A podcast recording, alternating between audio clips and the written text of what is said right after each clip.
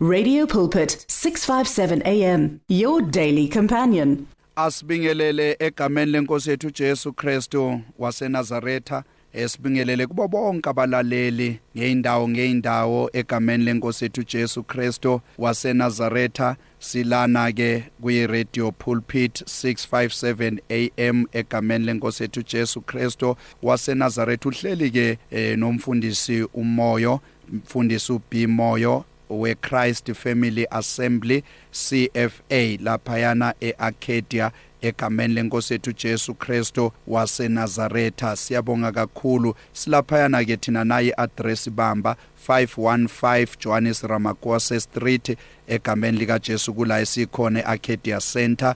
Ufune nje iChrist Family Assembly okanye mawuqhamuka ngalako Sunnyside silaphayana ke iaddress izoti 376 Steve Biko Road. Ungene ke lapho ke ubuze uthi iCFA Christ Family Assembly ingakephi kamfundisi umoyo uzosithola sile phezulu ke thina siphezulu uzokhuphuka nje itepisi uzosithola le phezulu egameni lenkosi yethu Jesu Kristo waseNazaretha. Siyabonga kakhulu. Mangisho njalo ngiyakumema ngiyakumema egameni lenkosi yethu Jesu ukuthi uhlanganyele kanye nathi. And i believe ukuthi impilo yakho will never be the same again egameni lika Jesu Kristo waseNazaretha. Sibonge kakhulu. Kanti siyaqhubeka eh eh balalele emakhaya ngendaba yethu ya last week. Ngendaba yethu ya last week sibonge kakhulu uNkulunkulu simbonile uNkulunkulu esebenza enkonzweni la Sunday ngoba sasimemezelela ukuthi siyafisa ukuthi wena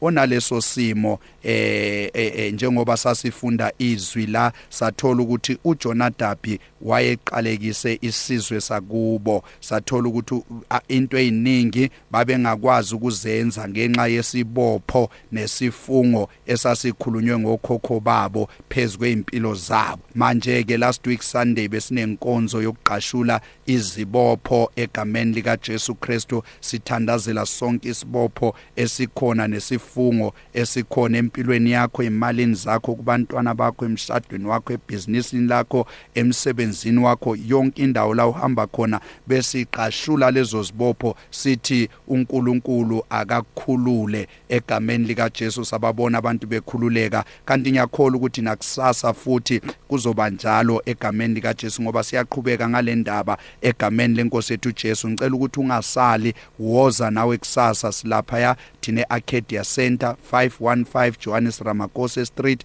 Inkonzo yethu ke iqala ngo9 ekseni ungaphuthelwa. God bless you. Now siyaqhubeka ngendaba yethu from Jeremiah eh, chapter 35 eh, namhlanje soyiqala ku verse 6 kodwa wena okade ungayibambanga last week iqale nje kahle ku verse 1 uqhubeke nayo uzu ufike la esesikhona. Siku verse 7 manje sizoqala la ku verse 7 until siyomala phayana ku verse 10 okanye ku verse 11 egameni lika Jesu. Ifundeka kanjena ke ngesizulu egameni lenkosi yethu. Ningakhi zindlu ningahlwanyeli imbewu ningatshali isivini futhi ningabi naso ngokuba niyakuhlala emathendeni zonke izinsuku zokuphila kwenu ukuze niphile isikhathi eside ezweni lapho nigogobele khona. Now ngifuna ukuthi uunderstand eh mlalele ekhaya ukuthi la esiqhubeka siyaqhubeka la. Indaba yethu isukela last week. Esifundile from verse 1 Jeremiah chapter 35 from verse 1 to 6 namhlanje ngiqhubeka ku verse 7 ngizoyichaza kahle ngunikeze nawo ama highlights ungabi nankinga. Now sesiku verse 8 siligcinile izwi lika Jonadaba indodana kaRekhabi ukhokho wethu. Kukho konke asiyala ngakho ukuba singaliphuzi iwayini zonke izinsuku zokuphila kwethu. Thina nomkethu namadodana namadodakazi ethu. Verse 9 nokuba singakhi izindlu ukuba sihlale kuzo futhi asinazo izivini amasimu nempewu. In other words labantu abanalutho kahle kahle ngesiswati bengizothi baluphuya bampunga bayahlupheka badonsa nzima. Kwenze njani? uJonadabi owakhuluma isiqalekiso wakhuluma isifungo wathi la ningakhi ningatshali imbewu ningenzi lutho nina niyohlala ningumhambuma. Now asiye ku verse 10 sihlale ematendeni salalela senza konke uJonadabi ukhokho wethu. Asiyala ngakho ukuba sikwenze. Kepha kwathi lapho uNebukadnezari inkosi yaseBhabheli yathi hlasela izwe sathi wozani masiye eJerusalema sibalekele impi yamakhaledi neyama-Aramu. Sasesihlala ke lapha eJerusalema now mlalele ekhaya ngiqhubeka ngendaba yami ya last week. Uthi uNkulunkulu kuJeremiah Jeremiah phuthuma kunesimo engisibonayo kunabantu abahleli eJerusalema. Now ngifuna ukuthi uunderstand number 1 iJerusalema it is the city of kings. In other words yizwe lobukhosi the city of kings. In other words kusebukhosini la. Nawe mawuhlala eJerusalema na uyazizwa ukuthi unalo loluhlanga lokuthi ungathi ungaphatha ubuse. Uyazizwa mani ukuthi no ukuhluleka it's not your portion. Now lithi iBhayibheli uNkulunkulu uthumela ke uJeremiah uthi phuthuma kunesizwe samaRakhabi esibalekele kuleyo ndawo. Kodwa ngicela ukuthi uphathe iwayini. In other words ufika ubanikeze iwayini. Iwayini ke mlalele ekhaya limeleni lisho ukuthini iwayini? Iwayini kahle kahle limele injabulo limele intokozo. Lisho ukuthokoza lisho ukujabula. Iwayini limele ukuthi inkinga zenu seziphelile. Ngoba mawujabulile mawuthokozile kahle kahle uyezwa na ukuthi kahle kahle ngumuntu ongasenazi inkinga uyabona nje wena mlaleli njengoba ungilalele kahle wena. Uma ngase ngikunikeze manje ngikunikeze u2 million ngikunikeze u10 million inhliziyo yakho ingaba mhlophe same time kungabaleka ihigh blood kungabaleka iBP kungabaleka ushukela udokotela athi uyokuchecka kusasa athi habe yonke le nto kade ikhona last week inyamalele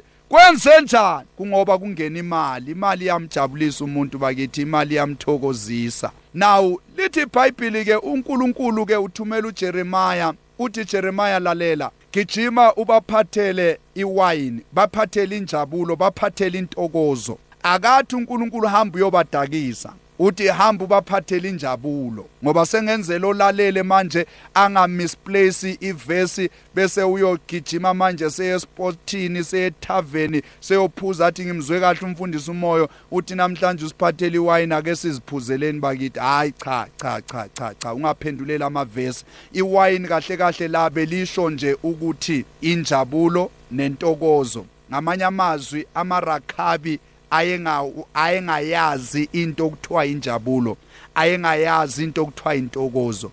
Kunabantu engikhuluma nabo manje bangilalele abanye bakhona manje sebevele nenyembezi seziyazehlela ngoba lento engikhuluma ngayo bayayazi.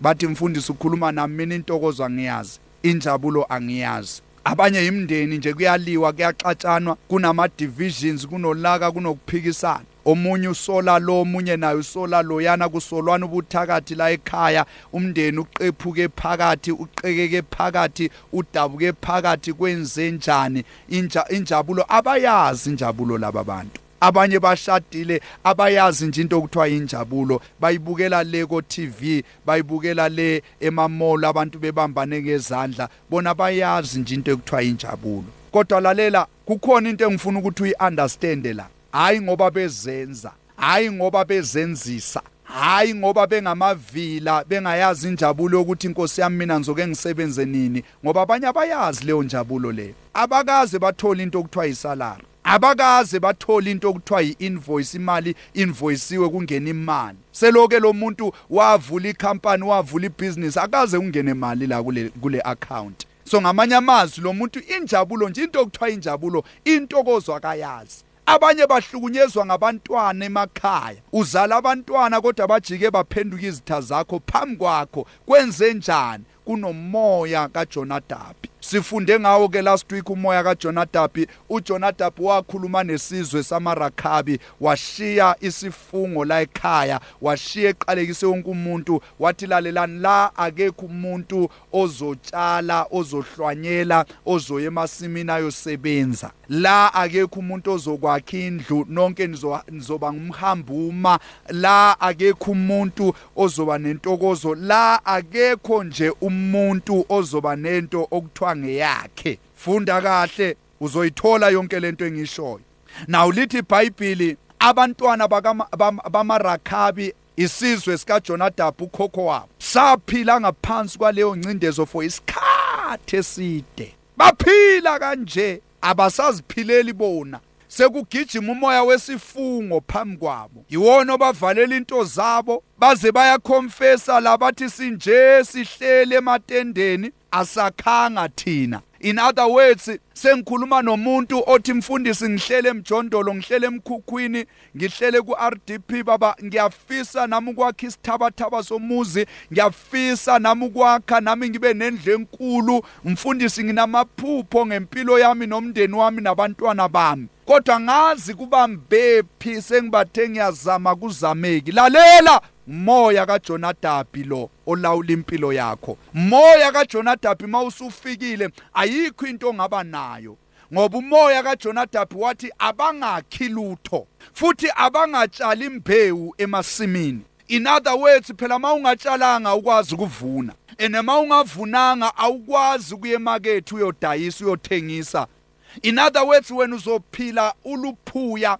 uzophila umpunga uzophila hlupheka uzophila nje uyisi-aram abantwana bamarakhabi isizwe sikaJonadabi sasiphila impilo enjalo. Kwenze njani? uJonadabi wayebaqalekise bonke. Siyabezwa nabo bathi sihlale ematendeni asakhanga asinalutho. Futhi thina sesiphila nje ngokucela ngoba emasimini asitshalanga lutho akho mbewu esayitshala ngakho alukho ulutho esingaluvuna emasimini. Bayakhomfema bathi usibona sinje asinawo namasimu. Singumhambuma. Sesize sabaleka. In other words singamagwala ngoba sifundiswanga nempi ukuthi kuliwa kanjani. Njengoba usibona sila eJerusalema sibalekele impi sabalekela inkosi uNebukadnezari sabaleka sashiya konke sezala sazocasha la ngamanye amazwi injabulo asiyazi. Kunabantu engikhuluma nabo manje abathi mfundisi umoya ukhuluma nami. Ngiphila ngokucasha ngiphila ngokubaleka. Abanye babalekela izikolodo abanye babalekela omashonisa abanye babalekela ama-phone call bakoloda amalone emabhenki. Uphila ngokucasha ukoloda omakhelwane bakho. Uphila ngokucasha ufana namarakhabi aqalekiswa ngumkhokho wabo umoya kakhokho wabo ujonadabi wathi bangakhi bangabi namasimu akungabi nalutho olungolwabo. Nawe na uthi uyabheka manje impilo yakho masingakubuza ukuthi unani engeyakho? Yini ongasikhomba yona? Uthi nayi into yami awunayo into engeyakho ngoba nawe ufana namarakhabi abangumhamba uma. Abanye bathi mfundisi noma ngakhile kodwa nkosi yami isifiso sami ukuthi ngathi nga extender ngathi ngakha ngathi ngaqhelisa amagceke ami ngathi ibhizinisi lami ngathi ukulinweba kancane mfundisi lithi ukundlondlobala kuze lingakheli imali. Kodwa lalela into yenza ukuthi ungakwazi ukuzenza zonke lezi zinto.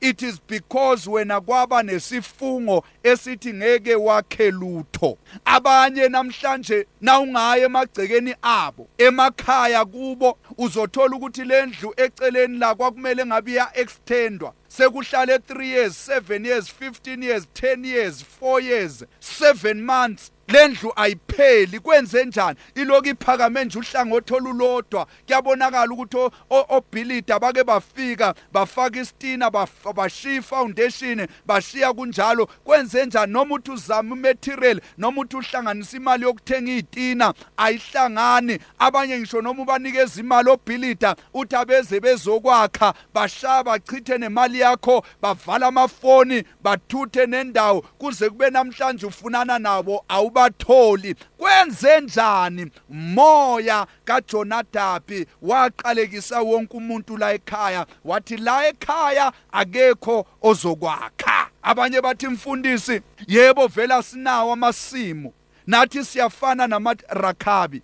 Amasimu yini ke mlaleli ekhaya? Amasimu kahle kahle yindawo la osebenzela khona ekunikeza isivuno. Abasebenzayo bazoyi-understanda lento engishoyo. Njengoba bephuma ekuseni bayosebenza kamlungu 8 to 5 bafana nomuntu oyemasimini oyotshala imbewu inyanga nayiphela uba nesivuno. Kunjalo ke nomuntu onamasimu unyaka nonyaka kuba khona izilimo azilimayo. Bese kuthi nase kufika isikhathi sesivuno abeseyovuna kutshalile abeseyodayisa othengise kuze athole imali akwazi akwazi ukuthenga ukudla aziphilise yena nomndeni wakhe. Kodwa amarakhabi ayenganawo amasimu ngoba uJonadabi wabaqalekisa wafunga wakhuluma kubo wathi kini akungabi khona umuntu onamasimu akungabi khona umuntu ophatha imbewu akungabi khona umuntu ozotshala. Ngamanye amazwi ipoverty it will be your portion.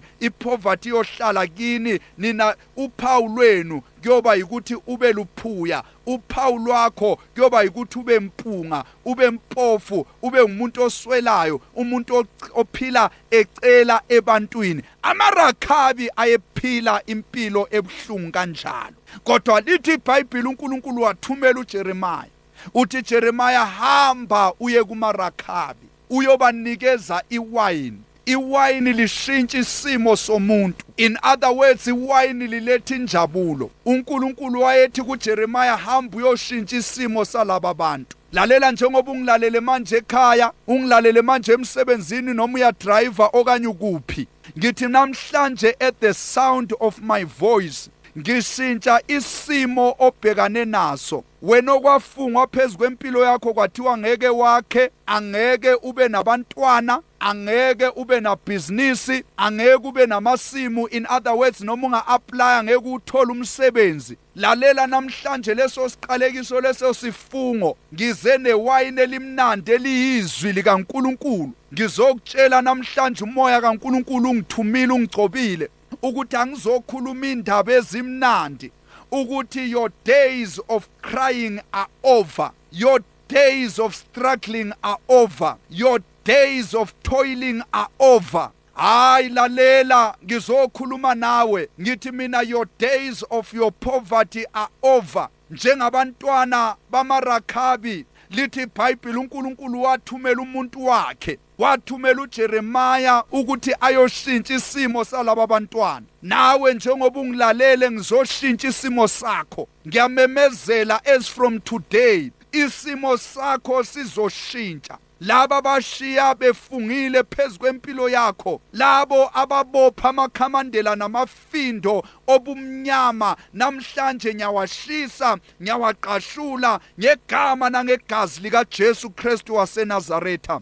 Hayi wena uzokwakha uzoba nowakho umuzi hayi wena uzoshada uzoba nomuzi ophelele nabantwana bakho. Hayi wena uzoba nawakho amasimu. In other words na uzoba nelakho ibhizinisi okanye ku corporate world na uzo occupy a higher position okanye nawe uzophila kamnandi uzosebenza lenyanga lengeke iphele uhlele ekhaya. Ngithi mina umsebenzi uzokulanda ekhaya ufika ukutomula uyokufaka kule company kade ungacabangela ukuthi nawe ngelinye ilanga ungase usebenze kuyo. Ngizoqashula leso sifungo seminyaka. uNkulunkulu akakwenzele lokho okufunayo. Awukazi ube nenjabulo awukazi ube nentokozo. Kodwa namhlanje ngize nentokozo. Namhlanje ngize nenjabulo.